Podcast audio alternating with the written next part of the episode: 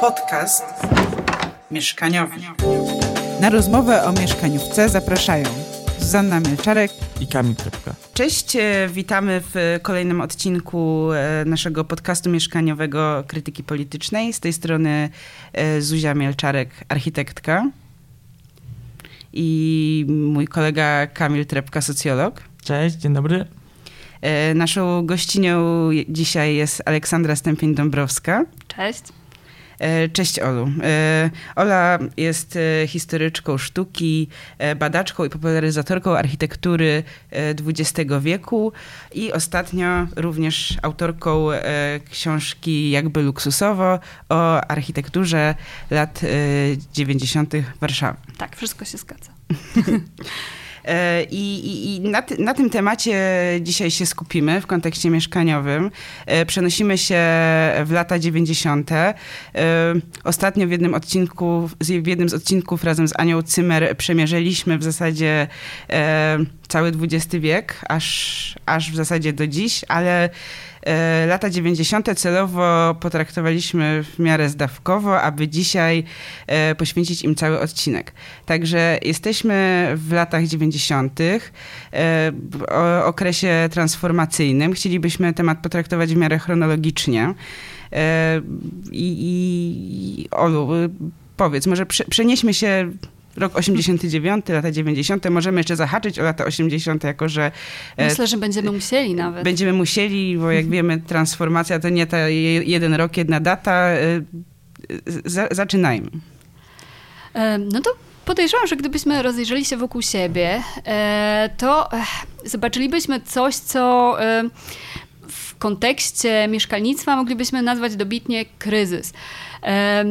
To rzeczywiście był taki okres, mówię tutaj o, o początkach lat 90., e, kiedy jeszcze to, co było problemem e, dekadę wcześniej, jakby za dotknięciem magicznej różdżki niestety nie zostało cofnięte, e, nie poradzono sobie z tym. To, co, z, z czym sobie radzono, jakoś starano sobie poradzić, chyba dobrze wizualizuje się w e, takim obrazie bloku. E, blok bardzo silnie rezonował w architekturze jako coś, e, od czego wyraźnie chciano się odciąć. Plastycznie, ale też tak technologicznie, tak pod względem komfortu zamieszkania, ponieważ bloki kojarzyły się z czymś opresyjnym, z taką estetyką właśnie, która bardzo podlega ekonomii, tej, tej taniości, także z różnymi technologicznymi porażkami. E, nie wiem, czy mieliście jakieś e, blokowe doświadczenia, ale ja e, mieszkałam w bloku i pamiętam, że jak robiliśmy remont, to był taki blok z lat 70. na Jelonkach, to rzeczywiście musieliśmy zdjąć jedne drzwi z, po, pomiędzy pokojami, dlatego że one domykały się tylko na górze, a na dole była, była szpara. E, I podobnie z próbą wyrównania podłogi, no to bardzo przypominało jakieś takie wydmy na Saharze, bo generalnie e, położenie tych paneli nie było najprostsze, mój mąż musiał się sporo napracować. E, no i to była taka mieszkaniowa rzeczywistość zamieszkiwania, która przez wiele dekad czasów PRL-u była tak, tak, taką normalnością. Na te mieszkania czekało się długo. W 1988 roku SARP w ramach jakiegoś takiego tekstu, takiej uchwały którą przygotował, szacował, że to jest 30-50 lat, no i ten cały czas, e, ten, ten czas e, ciągle się wydłuża. E, więc mimo tego, że taki relatywny koszt uzyskania mieszkania był dość niski w porównaniu z tym, co działo się później, co dzieje się teraz, no to jednak był to taki, mm, takie prawo reglamentowane. No i w 1989 roku e, mamy transformację ustrojową e, i w skrócie, bo wierzę, że, że jeszcze te wątki e, będziemy rozwijać, ale tak, żeby nakreślić jakieś tło, no to zgodnie z logiką prowadzenia transformacji ustrojowej, państwo zaczyna oddalać się od takiego finansowania mieszkalnictwa. Te nakłady na mieszkania stają się coraz mniejsze. Chodzi o to, żeby wspierać przede wszystkim własność prywatną poprzez różne ulgi, różne E, dodatki, e, żeby e, ożywić to budownictwo prywatne e, które w początkach lat 90. też nie miało się najlepiej. No, pamiętajmy o inflacji, pamiętajmy o płacach. To wszystko uderzało nie tylko takich e, przysłowiowych Kowalskich, ale też chociażby spółdzielnie mieszkaniowe. Po drugie, w 90 roku pojawiła się ustawa o samorządzie gminnym i wtedy mieszkalnictwo zostało scedowane na, na gminy. Z tym, że no właśnie, tutaj też mieliśmy do czynienia z ich wątłymi budżetami i bardzo często dochodziło do sytuacji, w której gminy, żeby jakoś poradzić sobie z tymi wątłymi budżetami, po prostu starały się albo sprzedawać grunty pod e, budownictwo przeważnie komercyjne, zwłaszcza tam w, w początkach lat 90., e, albo na przykład pozbywało się swojego zasobu komunalnego i chyba w 90 pierwszym roku były też takie dane, które e, świadczyły, że jedna czwarta zasobu komunalnego została została skomercjalizowana, została sprzedana, dlatego że to też były koszta i, i, i chodziło o to, żeby tych kosztów było jak najmniej, żeby te budżety jakoś, jakoś poratować. No i to jest tak pokrótce ten punkt wyjściowy. Jest źle, coś trzeba zrobić, żeby było lepiej. Tak, e, wspomniałaś o ustawach e, wczesnych lat 90. i połowy lat 90. E, reformach e, mieszkalnictwa i rzeczywiście tej e, tendencji dużego nacisku na własność prywatną, na, na traktowanie mieszkania bardziej jako, jako towar czy jako własność i, i w, w potoku tych reform nazywanych też konstytucją mieszkaniową pojawiło się jedno takie zjawisko, o którym my tutaj na pewno będziemy chcieli wspomnieć z Kamilem jako takie nasze tematyczne zboczenie, czyli e, TBS-y. E, wspomniałaś o tym, że rzeczywiście e, samorządy były bardzo spauperyzowane w tym okresie, co, co owocowało niestety w tym wyzbywaniu się zasobu, czy gruntowego, czy lokalowego, ale jeśli chodzi o, o to zjawisko towarzystw budownictwa społecznego, to właśnie też ci powiedzmy na, w tamtym okresie na pewno sfrustrowani i, i, i poszukujący zmiany samorządowcy również e, zaangażowali się w tworzenie tego programu i, i, i tworzenie pierwszych TBS-ów, więc e, to jest e, na pewno takie w obliczu całości polityki i tendencji, jakie w tym okresie miały miejsce, to jest na pewno duża innowacja. tak, ale po, po, po, drodze, bo TBS-y to jest 96 90... rok, tam jeszcze było parę takich TBS-ów testowych trochę wcześniej mieliśmy pierw jeszcze dogorywanie tych, tej, tego, powiedzmy, spółdzielczego przemysłu budowlanego i też chyba pojawienie się prywatnej, prywatnych inwestycji mieszkaniowych, takich wielorodzinnych. Czy to były też w pierwszej połowie lat 90. E, to jednak e, ta, ta, ta spółdzielczość miała się no, całkiem nieźle, bo nawet nowe spółdzielnie też były zakładane i one rzeczywiście E, stanowiły chyba gdzieś około połowy w ogóle tego, co, co, co się budowało w Warszawie. E, to, to budownictwo takie e, prywatne to, były, to, to, to było kilka procent tak naprawdę, czy, czy kilka, czy kilkanaście, już teraz e, nie, nie przytoczę dokładnie. To były spółdzielnie małe, takie nastawione na wybudowanie kilkunastu bądź stu kilkudziesięciu mieszkań. Często chodziło o to, żeby po prostu zbudować konkretny dom. I też budowano raczej takie, takie mieszkania raczej, ra, raczej małe. E, chociaż oczywiście, e, bo jeżeli e, będziemy to rozpatrywać w kontekście całej pierwszej połowy lat 90., no to te wielkie apartamentowce, czy znaczy wielkie apartamenty, także odrobinę podwyższały tę średnią. Ona wynosiła około 48 metrów kwadratowych, takie, takie, mm, takie uśrednione mieszkanie trzypokojowe. E, to było według Warszawskiego e, Urzędu Statystycznego gdzieś w początkach lat 90. taki, taki, taki standard. I, i, i no i o. Ale te, te, te, te, apartamentowce z tymi gigantycznymi mieszkaniami, gdzie najmniejsze mieszkanie miało 1,90 metrów kwadratowych i, i tym podobne, Żeby, one, że, nie, jest... Y, one zaczęły się pojawiać trochę później. To nie jest sam początek lat 90, Nie, też, też, też sam tak? początek. E, tutaj przychodzi mi do głowy e, Dom Wilanowski. To była taka bardzo, bardzo prestiżowa realizacja, naprawdę taki mhm. luksus przez duże L e, przy ulicy Cypryjskiej. E, I tam no, chyba nie było mniejszych mieszkań niż 200 metrów kwadratowych. Największe chyba miał 600. No ale to już rzeczywiście budowane było pod kątem konkretnych lokatorów, więc oni mogli sobie tam, tam, tam, tam poszaleć. Może jeszcze warto wspomnieć, że w początkach lat 90. przede wszystkim budowano za gotówkę. Jakby starano się unikać też tych kredytów, dlatego że odsetki bardzo podnosiły kwotę za metr kwadratowy i też bardzo szybko rosły i dlatego starano się budować szybko i, i oszczędnie. Więc e, przede wszystkim chodziło o, o budowanie za gotówkę i budowanie często też właśnie e, z przedpłatami e, przez przyszłych lokatorów oszczędna budowa 600-metrowych e, tu. Tu, tu akurat rzeczywiście nikt nie szczędził na, na, na luksusie. Tam, tam starano się właśnie stworzyć takie bardzo komfortowe mieszkalnictwo, w którym absolutnie nic nie będzie przeszkadzało, nic nie, nic nie będzie mąciło tego spokoju. E, czyli tam jakieś dodatkowe stacje transformatorowe, gdyby zabrakło prądu, podgrzewane rynny, żeby, żeby, żeby nie było sopli. Oczywiście te mieszkania można było sobie zaprojektować tak, że co tam sobie kto, kto życzył. Jeżeli ktoś sobie życzył zamiast łazienki wielki pokój kąpielowy, gdzie by się zmieściło na przykład jakieś takie małe saunowanko z, e, z, z pokojem, do, z miejscem do ćwiczeń, to też. Jeżeli ktoś chciał, nie wiem, na przykład balkon w łazience, to też. E, no to takie specyfika budowania w latach 90. i coś, co e, w prasie było bardzo mocno akcentowane, że wreszcie można sobie to mieszkanie tak, tak wykreować, że to będzie moje mieszkanie. To będzie mieszkanie zaprojektowane e, no, pod, pod, moje potrzeby, pod moje oczekiwania, pod moje kaprysy. No bo e, wracając jakby do tej historii chronologicznej, mamy końcówkę lat 80.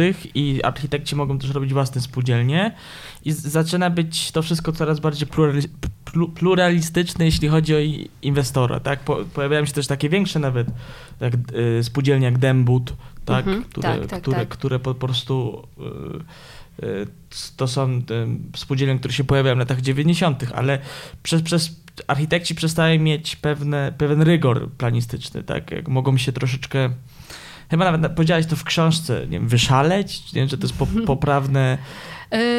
E, tak, mo może y, przychodzi mi tutaj do głowy taki cytat z Jakuba Wacławka, że może on nie jest do, e, a, dokładnie odpowiadający temu, y, o czym mówisz, ale że wreszcie można sobie porzeźbić ołówkiem, że wreszcie można sobie poplanować y, coś, co do tej pory zostawało tylko na papierze, a w jakimś tam stopniu zostanie zrealizowane. Oczywiście te możliwości realizacyjne w latach 90.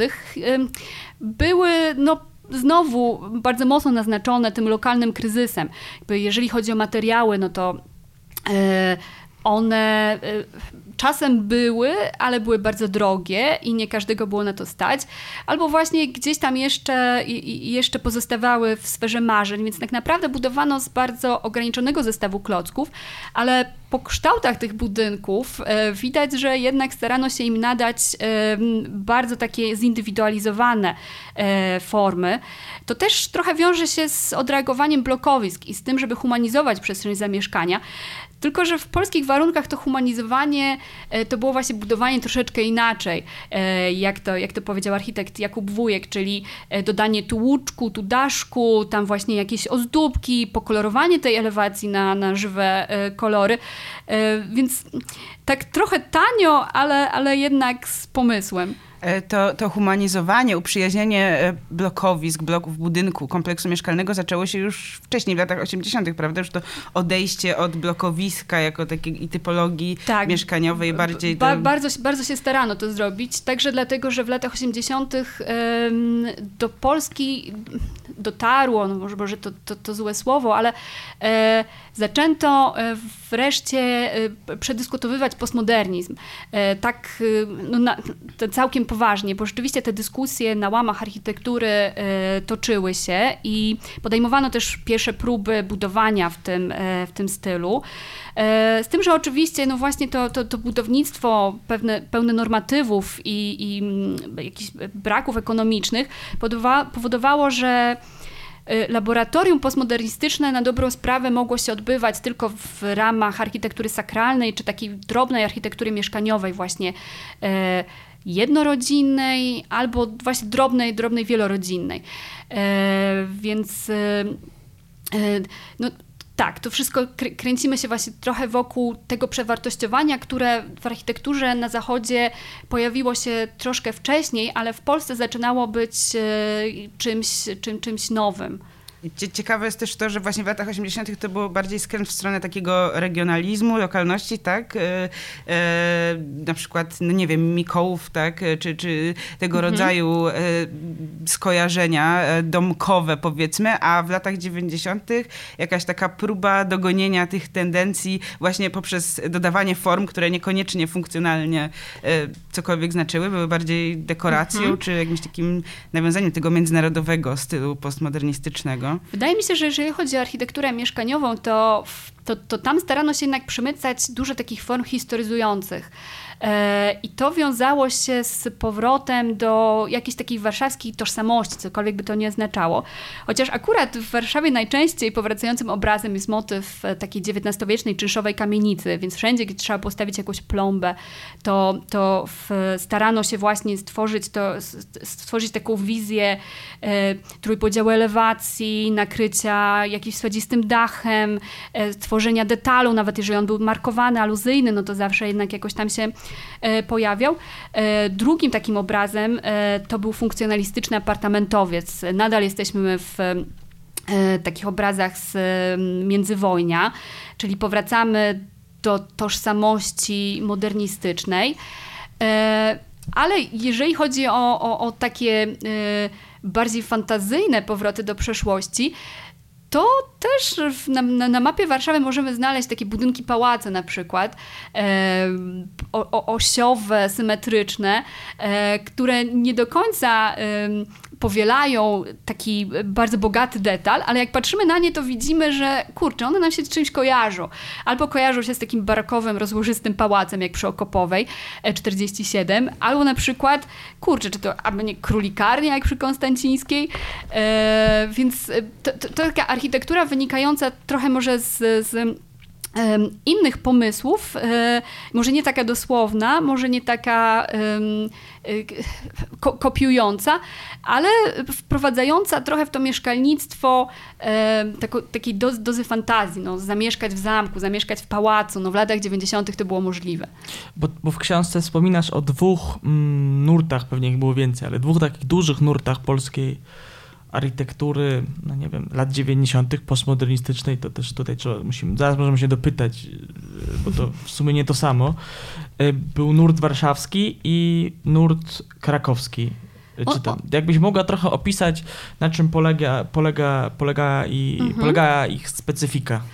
E, one były często są zestawiane, e, ja bym tam może jeszcze dodała też do tego krakowskiego wrocławski, E, dlatego, że w Warszawie bardzo duże znaczenie, jeżeli chodzi o to, co działo się w latach 90., miało to, co działo się podczas wojny, e, podczas powstania warszawskiego, czyli ogromne wyburzenia e, zniszczenia miasta, no i później odbudowa. Odbudowa najpierw w duchu socjalistycznym, później takim arcymodernistycznym i to wszystko w latach 90., czy, czy też jeszcze wcześniej zaczęło się wydawać, e, no e, czymś, e, co, co, co, trzeba ominąć, nad czym trzeba właśnie rozpos rozpostrzeć taki most i, i, jak najwięcej z tego przedwojnia e, spróbować przemycić do nowego budownictwa.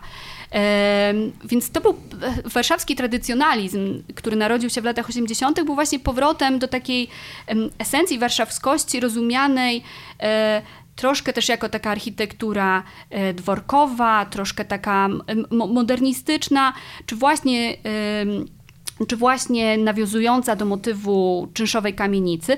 Natomiast e, architektura e, krakowska czy wrocławska jest takim nurtem bardziej zgeometryzowanym, takim nurtem, w którym tradycje możemy ogrywać w sposób e, e, trochę inny, mniej dosłowny. E, w Warszawie chodziło o to, żeby wskrzesić, w innych miastach, na przykład właśnie we Wrocławiu czy w Krakowie, chodziło o to, żeby polemizować. To jest taka, taka troszkę taka zniuansowana, zniuansowana definicja postmodernizmu w, w obu tych miastach. Ale polemizować w sensie e, odreagować modernizm, jakby Poka- po, po, po części też, bo to Pokazać było... środkowy palec, przepraszam. Za... Znaczy to doświadczenie blokowe, doświadczenie modernizmu było doświadczeniem y, ogólnopolskim, ale y, bardziej chodzi mi tu o to, że miasta takie jak Wrocław czy, czy Kraków były miastami y, z dużą dozą takiej architektury historyzującej. Może Wrocław mniej, może Kraków przede wszystkim, więc jeżeli mamy już do czynienia z, z no nie wiem, sukienicami, czy, czy architekturą rynku, czymś, co bardzo mocno siedzi, siedzi w tradycji, to nie potrzebujemy dobudowywać sobie do tego e, czegoś e, bardzo podobnego, tylko możemy pozwolić sobie na dialog z tym. I to bardzo często był dialog opierający się na e, właśnie przetwarzaniu tych form, taki bardzo, bardzo, bardzo śmiałym przetwarzaniu, czy łączeniu ich trochę na zasadzie humorystycznej, na zasadzie humorystycznej, więc e, na, na tym polega ta różnica. Podobnie jak miało to miejsce na przykład w Stanach Zjednoczonych czy, czy w Europie, gdzie ta definicja postmodernizmu też jest troszeczkę inna. Bo na, na, w Stanach Zjednoczonych e, postmodernizmem trochę bardziej się bawiono. W Europie e, on mocniej siedzi właśnie w takiej architekturze historyzującej, troszkę bardziej na poważnie. To może dobrze, dobrze zaczęłaś o tym mówić. Dla wielu mm, osób mo- postmodernizm i architektura lat 90. to jest synonim. Ale w książce właściwie tłumaczysz, że to nie jest synonim. Dlatego ona się też nazywa architektura lat 90., a nie architektura, las, y, architektura postmodernistyczna. Jakbyś mogła wytłumaczyć y, słuchaczkom i słuchaczom, czemu to nie jest to samo? E, Bo nie ma czegoś takiego jak jeden styl lat 90. Wydaje mi się, że to jest y, w ogóle tak mieszanka różnych izmów. Tak naprawdę właśnie zawsze się śmieję, że najłatwiej jest rozpoznać budynek z lat 90. po kulistych kloszach latarni, bo e, ten, te, to, to, co działo się w e, tym wycinku rzeczywistości w tej dekadzie jest na tyle zróżnicowane, że ciężko znaleźć dla tego jedną definicję. Gdy spojrzymy sobie na to, co działo się w pierwszej połowie lat 90., e, a na to, co działo się pod koniec, e, zauważymy, że to przewartościowanie stylistyczne e, było dość znaczne i ciężko jakby objąć to jednym pojęciem. Tutaj może wprowadzimy ten neomodernizm, który akurat w architekturze mieszkaniowej odegrał spore znaczenie i tak naprawdę właśnie pojawił się dzięki architekturze mieszkaniowej w dużej mierze na mapie Warszawy. Bo w drugiej połowie lat 90. e, szukano trochę takiego odreagowania dla, dla budynków bombonierek gdzieś w centrum, dla tych e, biurowców ociekających błyszczącym kamieniem, szkłem re- re- refleksyjnym. To szybko się zużyło. Okazało się, że nie do końca się podoba, że ludzie potrzebują e, architektury bardziej takiej tożsamościowej, bardziej trochę takiej, takiej e, swojskiej.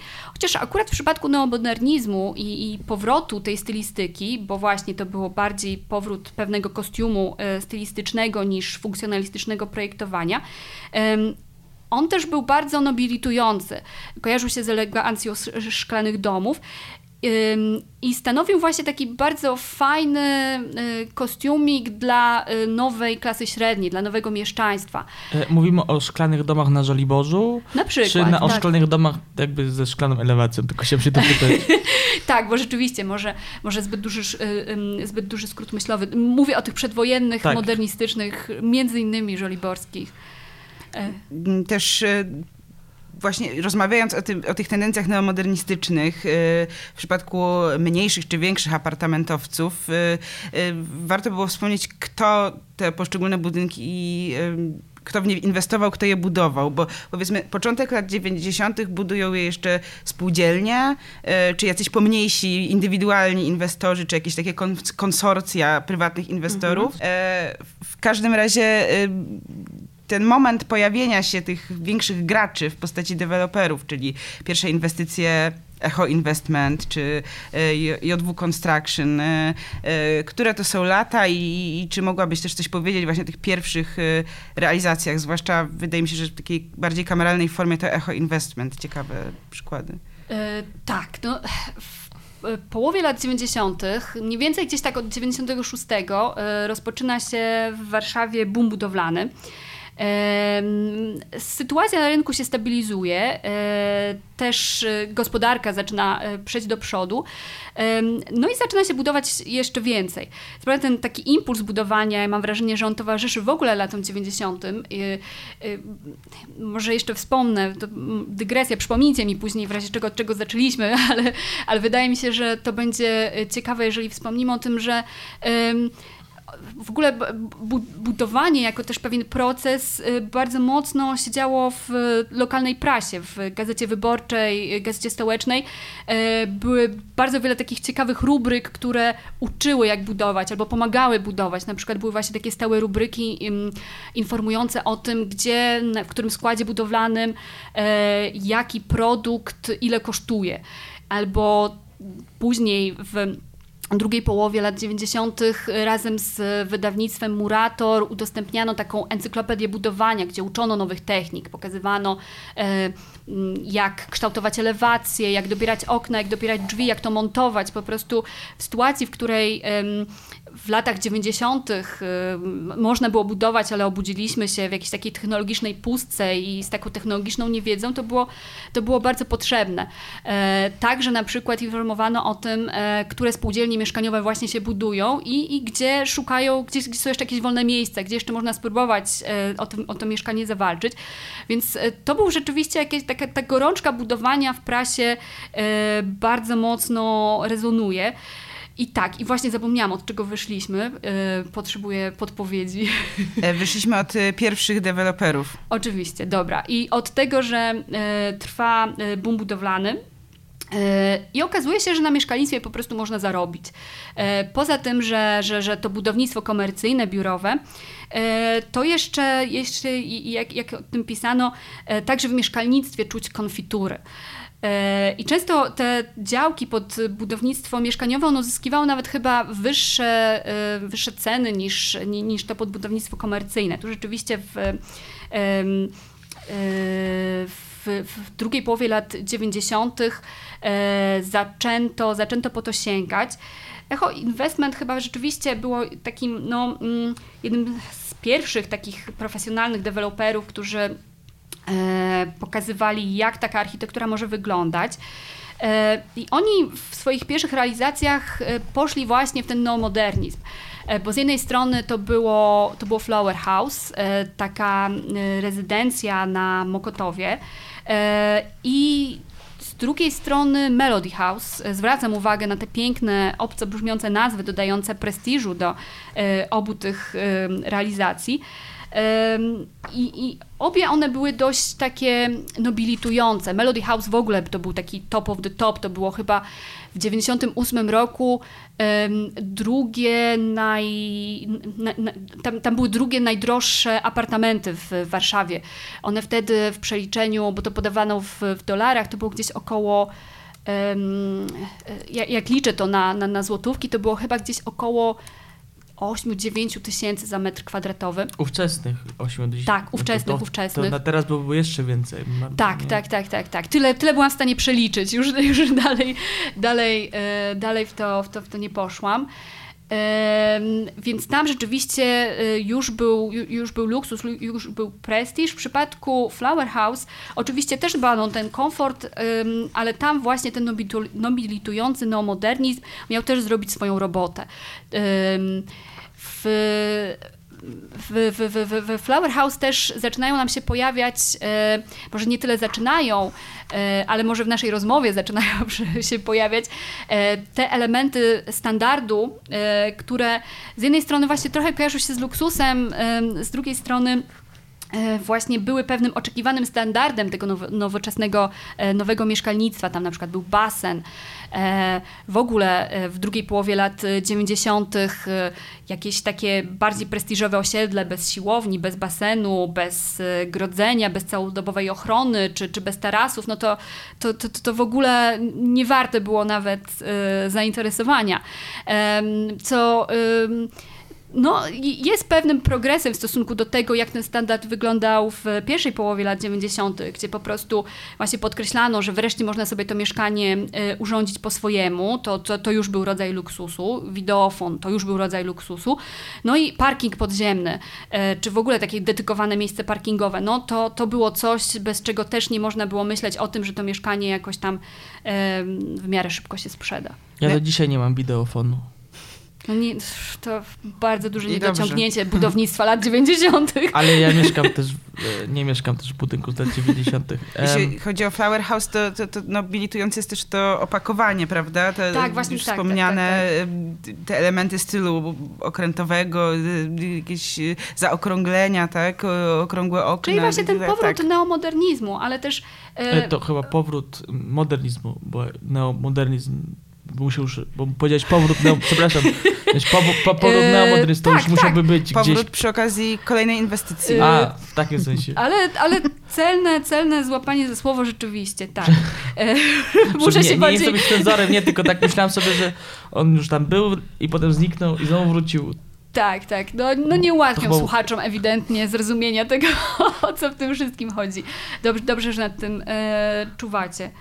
Ale z jednej strony są te apartamenty z wielkoskalowymi mieszkaniami, a z drugiej strony pojawiają się te pierwsze gigantyczne deweloperskie inwestycje, takie jak mm, e, no nie wiem, Wilanowska, czy... Tak, rezydencja pod Orłem. Tak, rezydencja pod Orłem, e, mhm. Kercelak. E, Łódzka to w zasadzie taki początek drugiej połowy lat 90. chyba, więc to może jeszcze nie taka deweloperka, zresztą budownictwo spółdzielcze, tu też widzimy właśnie też takie przewartościowanie e, w, w stylistyce, no bo zmienia się gabaryt, zmienia się skala, więc zmienia nam się też trochę stylistyka.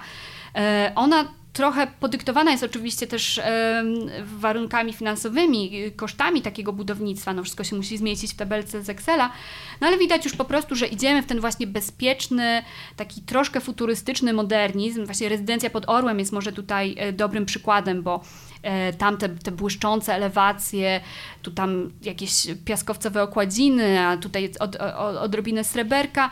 E, to wszystko właśnie było takie bardzo, bardzo prestiżowe, takie bardzo onieśmielające co prowadzi mnie trochę do, do hasła, że mieszkalnictwo w drugiej połowie lat 90. bardzo mocno właśnie stało się takim produktem.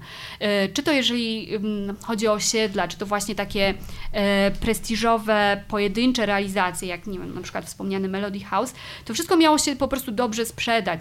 Od nazwy przez e, całe opakowanie takie różnymi komfortowymi usługami, e, to już nie mogły być po prostu cztery ściany, to, to już nie mogło być tylko mieszkanie jako takie, to, to musiała być cała, um, cała grupa pewnych udogodnień, które właśnie sprawiały, że, um, że, że w latach 90. Um, można było się trochę tak posnobować na to, gdzie, gdzie i jak się mieszkało. Zresztą było właśnie bardzo ważne, gdzie i jak się mieszkało. To był taki wyznacznik e, pewnego statusu społecznego. I na przykład ci, którzy zostali w blokach, tutaj można sobie się pokusić właśnie o taką, e, taką, te, te, taką grę słów w blokach startowych też, e, traktowani byli właśnie jako tacy niezaradni, jako tacy, którzy nie wykorzystali tej szansy transformacji. Trzeba się było przeprowadzić e, albo do e, budownictwa budownictwa jednorodzinnego e, do własnego domu, albo właśnie do jakiegoś takiego prestiżowego apartamentowca. Ale to też jest ciekawe, że właśnie te, te, te, o których teraz mówimy, te wielkoskalowe założenia, to tak naprawdę są właśnie wariacje na temat bloku. Powracamy trochę jednak Dokładnie do formy tak. bloku. Czyli przeszliśmy przez te e, e, butikowe, prestiżowe, drobne założenia mhm. apartamentowe, a jednak te, te wielkoskalowe to są jednak już takie wyciskacze pumu. E, tak, ale na wszelki wypadek nazwiemy to apartamentowcem albo rezydencją i wszystko już będzie w porządku. Nikt. Oczywiście. Tak, Chociaż... O, oswoimy to. Tak, ale co je jednak różniło względem tych dzisiejszych e, wyciskaczy PUMu, to jednak to, że te mieszkania nadal były bardziej zróżnicowane, ich typologie, prawda? To nie, było, nie były mhm. tak e, znormalizowane, jak to się stało, znaczy nieformalnie znormalizowane, ale do czego powróciliśmy teraz e, współcześnie. Mhm. Czy w drugiej połowie lat 90. wydaje mi się, że ten standard właśnie nam się trochę ujednolica, jeżeli chodzi o metraże, ale to, z czym na naprawdę mi się kojarzy mieszkalnictwo lat 90., to jest właśnie to, to już chyba trzeci raz tutaj wspomnę, ale, ale nawiążę do tego raz jeszcze, że ta przestrzeń e, życiowa poprzez systemy ścianek z karton gipsu mogła zostać zaprojektowana e, tak, jakby, e, tak, jakbym sobie tego życzyła, tak jak mi to e, było potrzebne. No i metraże też, e, też, e, te, te, też były zróżnicowane. Pamiętam też taką anegdotkę, bo do lat, znaczy do, do, do przewodnika jakby luksusowo rozmawiałam z różnymi osobami zaangażowanymi w budownictwo w tamtej dekadzie i właśnie między innymi z wicedyrektorem do spraw technicznych jednej ze spółdzielni mieszkaniowych i on tak opowiadał, że wtedy było coś takiego, że, że, że miało się piętro, no i miało się jakąś tam określoną liczbę lokatorów na tym piętrze. Jeden mówił, ja chcę 80, ja chcę 50, ja chcę 100. E, I to wszystko architekt gdzieś tam sobie rozrysowywał. E, i w pewnym momencie też ktoś e, do tego architekta mógł podejść i powiedzieć: Panie architekcie, ratunku, teściowa dołożyła mi się do nowych pięciu metrów. E, zróbmy coś, zróbmy coś, mam, mam fundusze, chcę, chcę odrobinę większe mieszkanie. No i wtedy na przykład architekt, co zresztą widać w, w e, realizacjach właśnie spółdzielni Strop, tej, tej, tej konkretnej, o której mój rozmówca mówił, po prostu wyciągnął kawałek tego mieszkania poza licę elewacji i w ten sposób je powiększył, sprawiając, że no, przyszły lokator był, był zadowolony. I nawet jeżeli oczywiście w tej historii nie wszystko będzie do końca adekwatne, to też nam trochę pokazuje właśnie, jak się wówczas projektowało i jakie były też oczekiwania wobec tego projektowania. Czyli za tymi czasem e, na, e, naruszającymi rytm pojedynczymi balkonikami czy wykuszami, które możemy dostrzec, mogą stać właśnie takie historie. Tak, zdecydowanie. To e, można też przy okazji spaceru po łazienkach zajrzeć na przykład na ulicę Podchorążych i, i tam stoi taki budynek z właśnie z, z, pierwszej połowy mm, z pierwszej połowy dekady. Można się napatrzeć na ten rytm okien bardzo zróżnicowanych, gdzieś tam balkon, gdzieś takie okno, gdzie, gdzieś trochę mniejsze i to nam pokazuje właśnie te wszystkie kaprysy, które rządziły rządziły projektowaniem. Z drugiej strony, no to jest właśnie też takie malownicze narastanie tej architektury, które miało troszkę maskować jej taki nowy charakter, czyli nadawać jej trochę takiej właśnie mm, większej malowniczości, większej kameralności też. Bo mówimy teraz cały czas o budownictwie mieszkaniowym, ale... Te... Po to się tu spotkaliśmy. No tak, ale jakby lata 90. mają też bardzo ciekawy aspekt, jeśli chodzi o budynki użyteczności publicznej czy komercyjne, no bo takie, mhm. są takie długie lata, można powiedzieć, 90., które się zaczęły w latach 80. Mhm. z budownictwem e, sakralnym, a skończyły w sumie w latach 2000 z, no, z centrami handlowymi, na przykład takie złote tarasy, e, to już jest y, no, druga połowa lat dwutysięcznych. Mhm. I, ale one nadal, nikt by nie powiedział, że to jest w stylu modernistycznym albo neomodernistycznym. Albo budynek telewizji też e, tak. 2008 rok, też jakby przedłużenie tego, co, co działo się w, w takim, no po prostu w architekturze lat 90. też pod względem ideowym. E, no to był rzeczywiście bardzo ciekawy okres e, bardzo, bardzo fantazyjny, jak chyba żadna inna dekada, właśnie zachęcający do tego, żeby korzystać z wyobraźni. E, patrząc na wiele budynków powstałych e, w tamtej dekadzie, czy to biurowych właśnie, czy, czy mieszkaniowych, e, bardzo łatwo jest właśnie tę wyobraźnię uruchamiać. To była taka wielka gra w kalambury, te budynki coś przypominały. Od, od takich właśnie prostych, prostych haseł, jak właśnie ta XIX-wieczna kamienica, czy ten neomodernistyczny apartamentowiec, po już takie bardziej złożone e, kalambury w postaci właśnie budynków okrętów, czy budynków czajników, czy, czy, czy jakichś budynków tortów. No, e, generalnie pozwalano sobie, pozwalano sobie na dużo no, można to sprowadzić e, do jakiejś takiej myśli o odreagowywaniu tego, co się budowało albo czegoś nie budowało dekadę wcześniej. A rozmawiając o tej fantazji, bo e, mówimy o tkańce architektonicznej, mieszkaniowej, o tym jej zewnętrzu, o tych założeniach, e, o opakowaniu e, czy formie samych budynków, ale jak również i typologii mieszkaniowych, ale bardzo ciekawą kwestią jest też to, czym te, te, czym te mieszkania były wypełniane już przez użytkowników i e, jak, e, e, jak te aspiracje lat 90., jakie przyjmowały formy w wystroju wnętrz. Okej. Okay. No to możemy tutaj rzeczywiście bawić się trochę w taką wyliczankę i, i, taką nostalgiczną trochę wyliczankę, bo to będzie, będzie powrót do takich obrazków, które ja, ja, czasem się łapię, że, że trochę to wyparłam, a później okazuje się, że o Boże, to było, jak na przykład e, takie skórzane obrazy czy zegary w ogóle, tak. ojejku. Skóroplastyka. Dokładnie tak. Mhm. Albo, a, albo nieszczęsne e, drzewko szczęścia na telewizorze, przewiezione z mhm. wakacji, takie bursztynowe, druciane. Kurde. Ale w ogóle tak zastanawiam się, jak to klasyfikować, bo z jednej strony y, ciekawie by było przemierzyć te style tych wnętrz, ale też jakieś tak y, y, klasowo, jak to się układało, tak, na tak. przykład chociażby patrząc na seriale, ja dzisiaj sobie tak mm -hmm. prze, przewertowałam, wydaje mi się, że e, Kamil, e, wielki fan e, Świętej Wojny, wydaje mi się, że to, tam naprawdę są dobre, dobre wnętrza, no. Dzisiaj taki jakiś... A, ale e, mieszkanie państwa dworniaków e, w, na Korfantego 13, mieszkanie 6 albo jak to mówi Bercik, Mieszkania 6, e, ono w ogóle ma taką estetykę, tam może widać, że, pod, że, że na przykład w salonie wchodzi taka estetyka z Ikei. Ale tam jakby... nawet wchodzą elementy takie, wiesz, trochę futurystyczne, jakby nawet takie elementy typu styl, nie wiem, Philip Stark, czy coś takiego, że jakaś taka, wiesz, lampka z takich, taka chromowana, z niebieskim kloszem i takie, to, to już się pojawia. Tak, w ogóle taka, takie aluminiowe wykończenia, tak. takie, takie sreberko właśnie gdzieś w tych meblach, nie wiem, w nóżkach, czy coś takiego, to mi się bardzo mocno kojarzy ze stylem lat 90., nie wiem, może, może ze stylem przełomu e, tysiącleci, już aż tak dobra w to wnętrzarstwo nie jestem, ale zdecydowanie właśnie takie jasne drewno i, i do tego e, ten, to, to, to srebrny aluminium właśnie. To, I tak, też intensywne kolory, pewnie taki pomarańczy i tak dalej, ale to nie, nie, nie, ma, nie, ma, nie ma też takiej jeszcze... No bo to już jest też trochę taka, taki moment, jak wchodzą też międzynarodowe korporacje typu IKEA i, ta, i to się wszystko zaczyna już um, u, to się staje coraz, te, ten gust Polaków się coraz bliżej do takiego zachodnioeuropejskiego zbliża wtedy.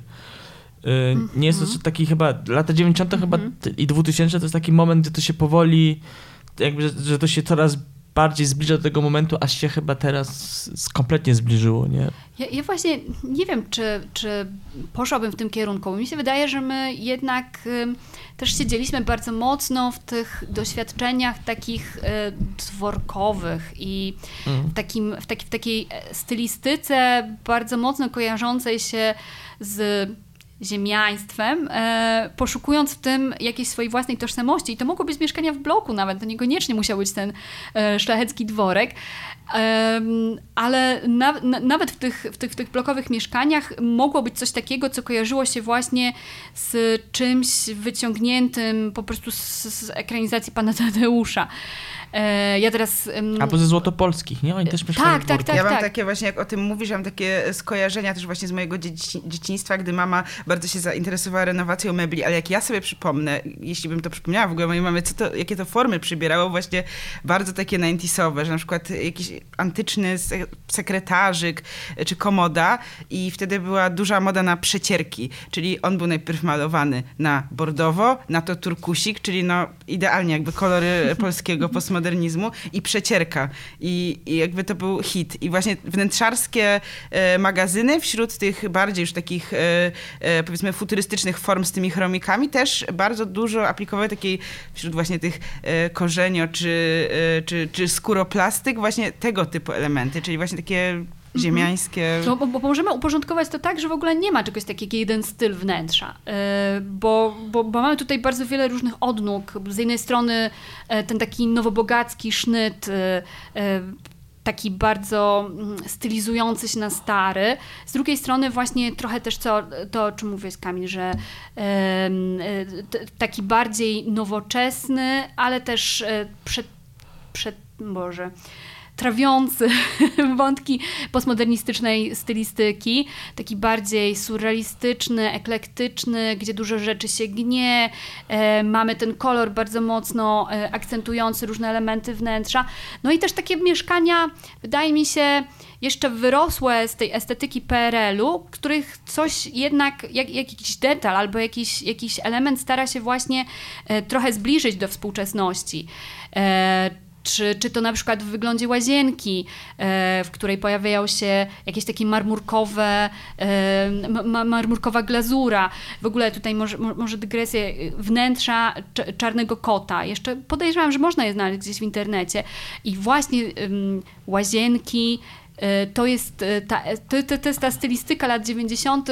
pociągnięta do kwadratu. To jest coś, e, w czym, w tym, w czym rzeczywiście ta, ta estetyka e, nam się mocno od, odbija.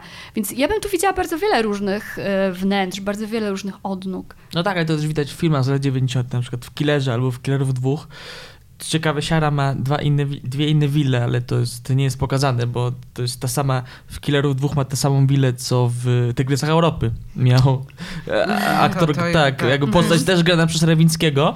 To jest też, to jest ten, ta willa, gdzie, gdzie jest na, na bruku orze, orzełek I, i chyba y, taki z Paul Bruku. Mhm.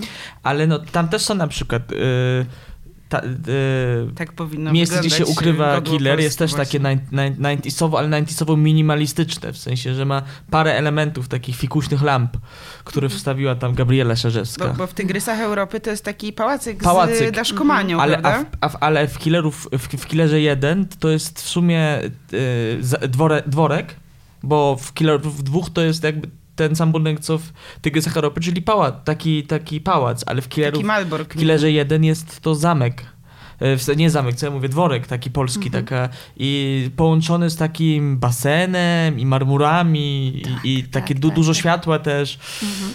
Ja, ja bym tu jeszcze rzuciła może jakieś takie kilka haseł, które może otworzą jakąś klapkę w głowie słuchaczom, czyli e, co mi się jeszcze kojarzy z wnętrzami z lat 90. No to na pewno będą e, szafy z przesuwnymi, lustrzanymi drzwiami. Szafy komandor. Tak, tak, luksfery na przykład, albo drzwi harmonikowe. E, co jeszcze? Jakieś takie plastikowe dodatki kuchenne albo łazienkowe, najczęściej e, w takich bardzo krzykliwych kolorach. Nie wiem, u mnie w domu były chyba czerwone. Więc e, co, coś takiego, co miało to wnętrze też, też unowocześnić. W ogóle połączenie drewna bukowego z y, na przykład ultramaryną, to takie mam, może to już jest trochę później, może to już są 2000, ale to mam takie właśnie wizje. No. Um, chciałem się zapytać jeszcze o, e, o to, co zostało z tych lat 90. Po pierwsze, jak te budynki są traktowane teraz? Czy one y, część y, jakby środowisk tutaj zajęło się też z... Powstawały takie książki jak Postmodernizm prawie OK.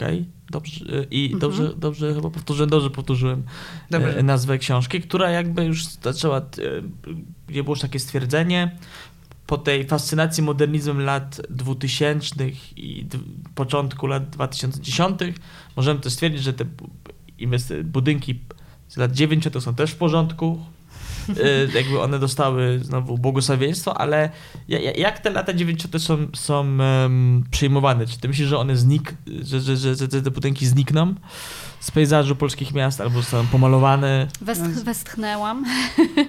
Nie, albo kiedy jest... przestaną e, znikać. Tak jak e, modernizm w pewnym momencie przestał znikać. Myślę, że, myślę, że nie przestaną. E, jak popatrzeć na to, co wyburza się na przykład w Wielkiej Brytanii, to są już takie e, realizacje architektów e, no, całkiem uznanych, jak Terry Farrell i, i też nikt nie ma skrupułów przed tym, żeby, żeby taką realizację zastąpić czymś nowoczesnym, to jestem trochę sceptyczna wobec tego, że, że u nas dałoby się, mm, da, dałoby radę obronić e, architekturę lat 90. przed e, e, buldożerami, ale też chyba nie warto właśnie rzucać się rejtanem przed każdą wizją zburzenia jakiegoś takiego budynku. One rzeczywiście nie zawsze miały szczęście do lokalizacji, nie zawsze też były e, na tyle wysokie czy, czy na tyle pojemne, żeby dobrze wypełnić daną działkę i, inwestorowi zapewnić wysoki zwrot. Więc e, raczej skazane są na pożarcie przez ten e, galopujący kapitalizm, trochę tak ojciec pożarający swoje dzieci właśnie. Oczywiście warto byłoby, gdybyśmy pomyśleli, w jaki sposób objąć się troską. Być może to, że właśnie rozmawiamy o tym i ta dyskusja e, cały czas wraca, jest już jakimś rodzajem no, zainteresowania, które może sprawi, nie łudzę się, że sprawi, że, że, że, że powstrzyma ewentualne działania właśnie przy, przy okazji jakichś e, poważniejszych wyburzeniowych problemów, tak jak, tak jak Solpol, ale może pozwoli nam trochę tę estetykę oswoić. I, i ja właśnie w nawiązaniu do tytułu książki, jakby luksusowo, e, zawsze mówię też w tym kontekście, żebyśmy podarowali sobie odrobinę luksusu samoakceptacji. To jest też e, zwrot z reklamy bodajże mydła Fab, podarować sobie odrobinę luksusu. No bo one, lata 90. nie są tak straszne, na, na, na, jakie wyglądają. Są elementem naszej tożsamości i, i im bardziej będziemy starali się je ukryć, e, tym chyba więcej stracimy na jakimś takim samopoznaniu. O. Mnie też e, taka myśl e, naszła odnośnie właśnie tych e, budynków, które w jakiś sposób się nie udały ze względu na swoją funkcjonalność i tak jak na przykład Solpol, który pewnie przez od, od początku on nie funkcjonował najlepiej, tak? I, i przez to go teraz powiedzmy tracimy. Ale no, miałam taki sen jakiś czas temu. Śniło mi się, że za, zamieszkałam w atrium przy Jana Pawła. O kurczę. W ogóle to był bardzo bardzo, bardzo 90 sen, bo mieszka znaczy mieszkanie, no, przestrzeń przerobiona na mieszkanie miała bardzo dziwny układ, miała wielki taras i miała w ogóle przeszklenie do kancelarii prawnej, która była urządzona w takim stylu bardzo elegancko-prawniczym, ze skórami, e, ciemnym drewnem i zielonymi lampkami i ja po prostu musiałam patrzeć przez tą szybę. No, nieważne, w każdym razie zaczęłam myśleć trochę o tym, że, mm, że te budynki właśnie, które się ze względu na jakiś swój nadmierny rozmach względem pełnionej funkcji, y, można by było o nich pomyśleć na przykład o, o reinterpretacji ich funkcji i, mhm. i zmianie, która y, mogłaby doprowadzić do tego, że na przykład nie byłyby wyburzane, a nadal miałyby szansę przynieść jakiś zysk. Tylko to chyba jest kwestia, że to jest dość opłacalne je wyburzyć. Na przykład taki Il Ilmet to jest miejsce na bardzo wysoki Ilmet przy rondzie ONZ to jest mhm. miejsce na bardzo wysoki biurowiec, a ten Ilmet jest nie jest zbyt wysoki.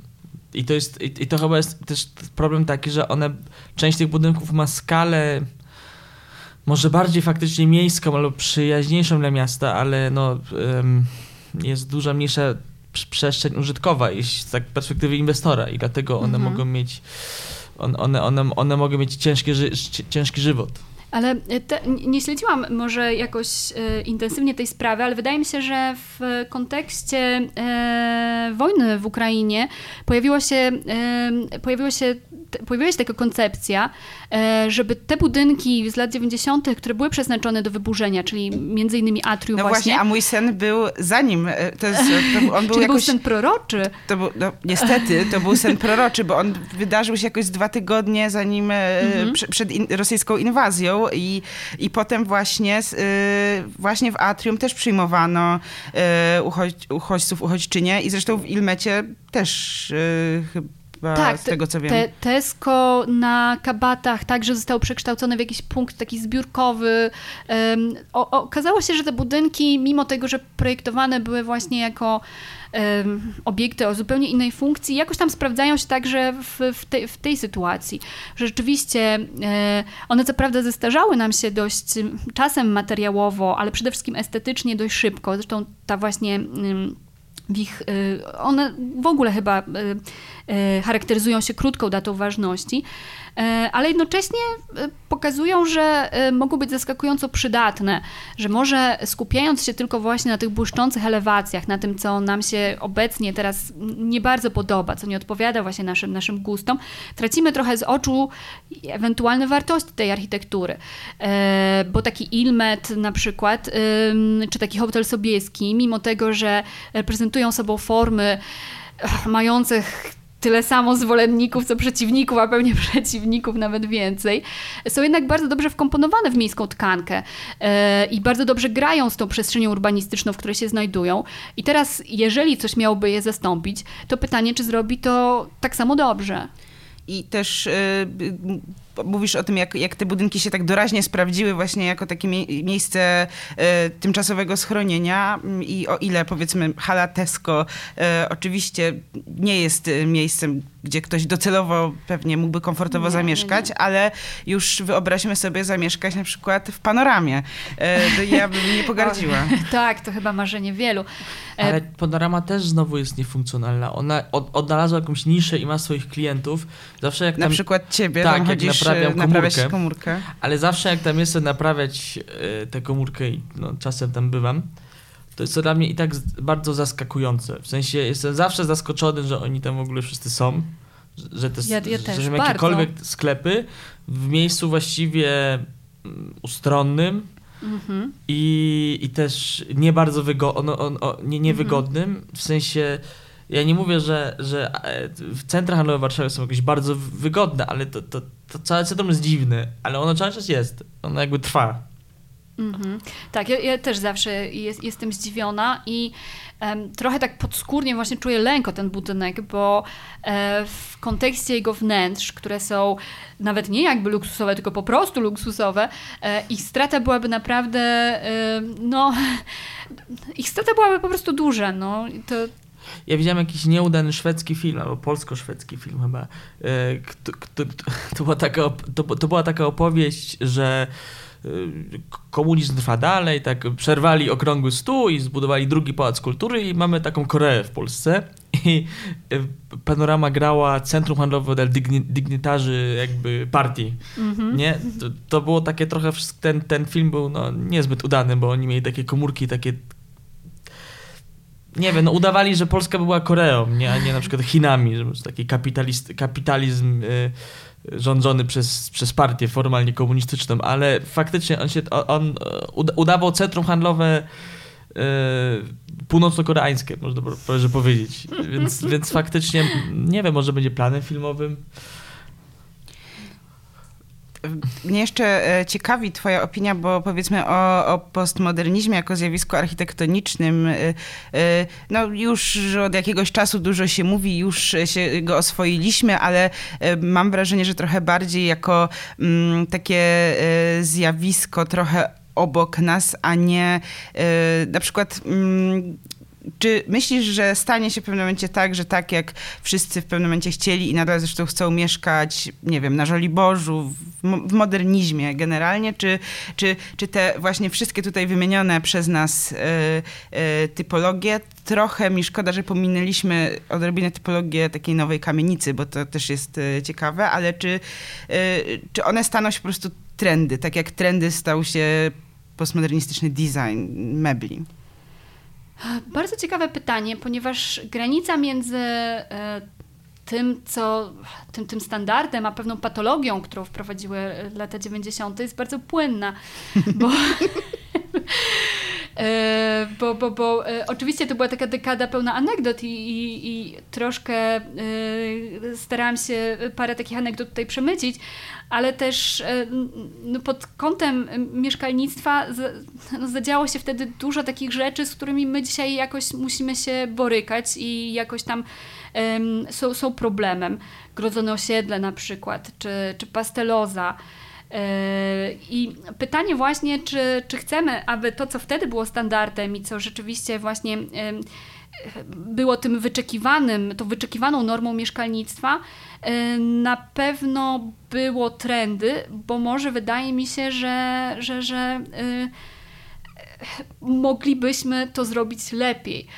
E, natomiast oczywiście, jeżeli ktoś marzy o tym, żeby zamieszkać w apartamencie 100 albo 600 metrowym, to one są na rynku. One czekają na właściciela parę milionów e, można z kieszeni wyciągnąć i, i tam rzeczywiście w takim skrojonym na miarę, chociaż nie naszą, ale, ale jednak całkiem komfortowym mieszkaniu o na przykład 40-metrowym, lekką ręką licząc living roomie, bo wtedy nie było salonów, czy, czy nie było takich pokoi właśnie dziennych, tylko living roomy, e, czy, czy z kominkiem, czy, czy z windą na przykład e, bezpośrednio z parkingu do apartamentu nas wiozącą. To wszystko jest, to wszystko jest, e, czeka ale nie wiem właśnie, czy, czy jest takim wzorcem, który znajduje się na szczycie tej mieszkalniczej drabiny. Może to jest tak jak z takimi filmami jak Młode Wilki, że ludzie to oglądają, nostalgicznie fajne te 90., ale fajnie zwrócić jakby na dwie godziny, ale może nie wszyscy by też chcieli wrócić tak na stałe do, do początku 90. Myślę, że gdybyśmy cofnęli się w czasie i przenieśli właśnie w sam środek tego miasta z tej dekady, to byliśmy, byliśmy pewnie zaskoczeni, że to nie jest jednak ten nostalgiczny obrazek z naszego dzieciństwa, e, tylko przestrzeń z krzywymi chodnikami, ze śmieciami wylewającymi się z koszy, brudna, krzywa, przepełniona billboardami, gdzieś tu obok ktoś sprzedaje mięso z, z polówki, e, a dookoła w ogóle trwa jakiś taki przedziwny chaos przestrzenno-architektoniczny, który, który, który sprawiał, że Warszawa w tamtej dekadzie wcale nie była miastem dobrym do mieszkania. Może akurat mielibyśmy szczęście bądź nieszczęście trafić także na jakiś mafijny porachunek, który akurat przed naszymi oczami e, by się zamanifestował. Nie było też miasto bezpieczne e, i, i stąd chociażby e, popularność tych grodzonych osiedli, czy popularność w ogóle tej wartości bezpieczeństwa jako tego produktu, tego, czegoś dodanego właśnie do e, takiego deweloperskiego e, standardu, e, które sprzedawało się dobrze. Po prostu stworzyć sobie na tle tego, jak to miasto wyglądało, taką enklawę, gdzie nie tylko właśnie byłoby prestiżowo, ale byłoby bezpiecznie i, i, i, i dobrze. Tak już kończąc, to Warszawa chyba nie jest aż tak postmodernistyczna albo 90 jak na przykład Wrocław. Tam duża część nadodrza, Obina i też innych części jest jakby zaplombowana. Tam y chyba architektura 90 jest dużo ważniejsza dla tożsamości. Też tak, tak mi się wydaje, chociaż e, w Warszawie w tamtej dekadzie budowało się bardzo dużo. I, Kabaty i... całe na przykład. Na przykład, tak. To był jeden z chyba z najważniejszych placów budowy lat 90. E, to e, Dariusz Bartoszewicz, nieoceniony dziennikarz Gazety Stołecznej, pisał o, o kabatach, że gdyby żył Stalin, to tam właśnie teraz malarze rozkładaliby sztalugi, bo tam właśnie działo się, działo się pod względem budowlanym najwięcej. No i mieli metro. Saliniści to zawsze mieli fiksację na punkcie metra, ale nigdy go nie zbudowali, nie? A tam było to metro, bo są te zdjęcia, jak jest puste pole. Tak, po, po, pole kapusty i, i z czasem rzeczywiście Aleja Ken wypełniła się, wypełniłam się zabudową. E, to była, to była jedna z tych, z tych inspiracji do szybkiego, do szybkiego budowania. Ale wracając jeszcze właśnie do tej e, warszawskiego rynku budowlanego, e, w Warszawie budowało się bardzo dużo w skali kraju. Może akurat architektury mieszkaniowej mniej, biurowej na pewno najwięcej, ale to po prostu specyfika tej architektury może być też taka, że często y, nie zauważamy, że ona jest. E, to, co gdzieś tam pojawiło się podczas naszej rozmowy, czyli właśnie ten warszawski tradycjonalizm, te, ten, ten, ten obrazek XIX-wiecznej y, kamienicy, który przemycano do tego nowego budownictwa, sprawiało, że często ono jest takie, to, to nowe jest wtopione w stare w miarę bezboleśnie. I tym bardzo pięknym akcentem. E, bardzo Ci chcielibyśmy zakończyć. Bardzo Ci dziękujemy za, e, za poświęcony czas, za, za udział. Kolorową, eklektyczną podróż do 90 e, Ja tylko chcę powiedzieć, że mieliśmy też powiedzieć coś o TBS-ie. O TBS-ach, przepraszam, i nie powiedzieliśmy, więc może warto byłoby e, pokierować jeszcze, do, do, do waszego artykułu, który, który jest naprawdę e, ciekawą opowieścią o takim dość y, przeoczonym chyba motywie budowania lat 90. w autoportrecie. Tylko przypomnijcie dokładnie może numer, bo... Tak, to jest kwestia mieszkaniowa po 89. E, bardzo ciekawy numer autoportretu e, z zeszłego roku. no i, i tam nasz artykuł Pożegnanie z TBS-em ze znakiem zapytania, bo to jest e, pokłosie ustawy i prze, przemianowania TBS-u na SIM. Mm, no tak nakreśliliśmy historię TBS-u i, i tak zresztą jak wspomniałam teraz na początku naszej ro, rozmowy, uważamy, że to zjawisko nie tylko w kwestii polityki mieszkaniowej interesujące, ale też może akurat nie w Warszawie, ale też w Warszawie powstał też TBS JW Construction, to jest bardzo TBS ciekawe. marki, tak. Tak, mhm. to jest e, bardzo dziwne zjawisko, może o nim akurat... A to są już lata 2000. E, tak, to już są 2000 mhm. i może o, nad tym akurat nie chcemy się pochylać, nad tym, tym niszowym zjawiskiem, jakim były te prywaciarskie TBS-y, ale, mm, ale generalnie styl TBS-u to też jest rodzaj e, takiego wspomnianego już oswajania blokowiska i w formie, i w kolorystyce, myślę, choć e, są też miejsca, jako że to było i jest zjawisko ogólnopolskie, są miejsca, gdzie e, powiedzmy formy były nieco bardziej progresywne, jak na przykład w zachodniopomorskim, w Szczecinie czy Stargardzie, ale jak spojrzymy, nie wiem, na mniejsze miejscowości, często właśnie jest ten, e, to tak kolory...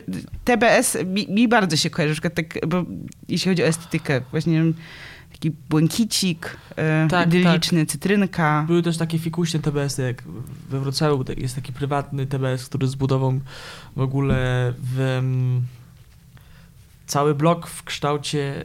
No to dzisiaj Ola wspominała okręt TBS okręt, kąty. Tak, tylko Nasze kąty. Z tym, z tym, że nie tak po gdyńsku typu, wiecie, że transatlantyk, jakieś nawiązanie, tylko tak naprawdę kreskówkowy. kreskówkowo. Taki parostatek w ogóle tak. właśnie, jak miałam wrażenie. Bo ja tam niedawno byłam, widziałam właśnie jak wygląda e, ucieleśnienie słów pomaluj mu świat na żółto i na niebiesko. Bo tam rzeczywiście, gdzie bym się rozejrzała, tak, to, to, to połączenie kolorystyczne wiesz, o TBS-ie. Tak, rządziło.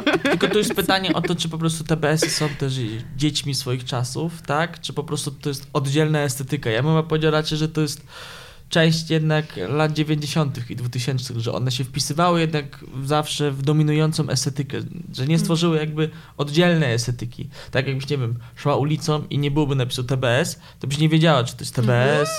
Mm, polemizowałabym. No, to, no, to, ale to, są, to są niuanse. Ty, ekspert, wiesz, ty jesteś ekspertką z pierwszej klasy, ale powiedzmy yy, Ola czy ja może byśmy już nie wiedzieli.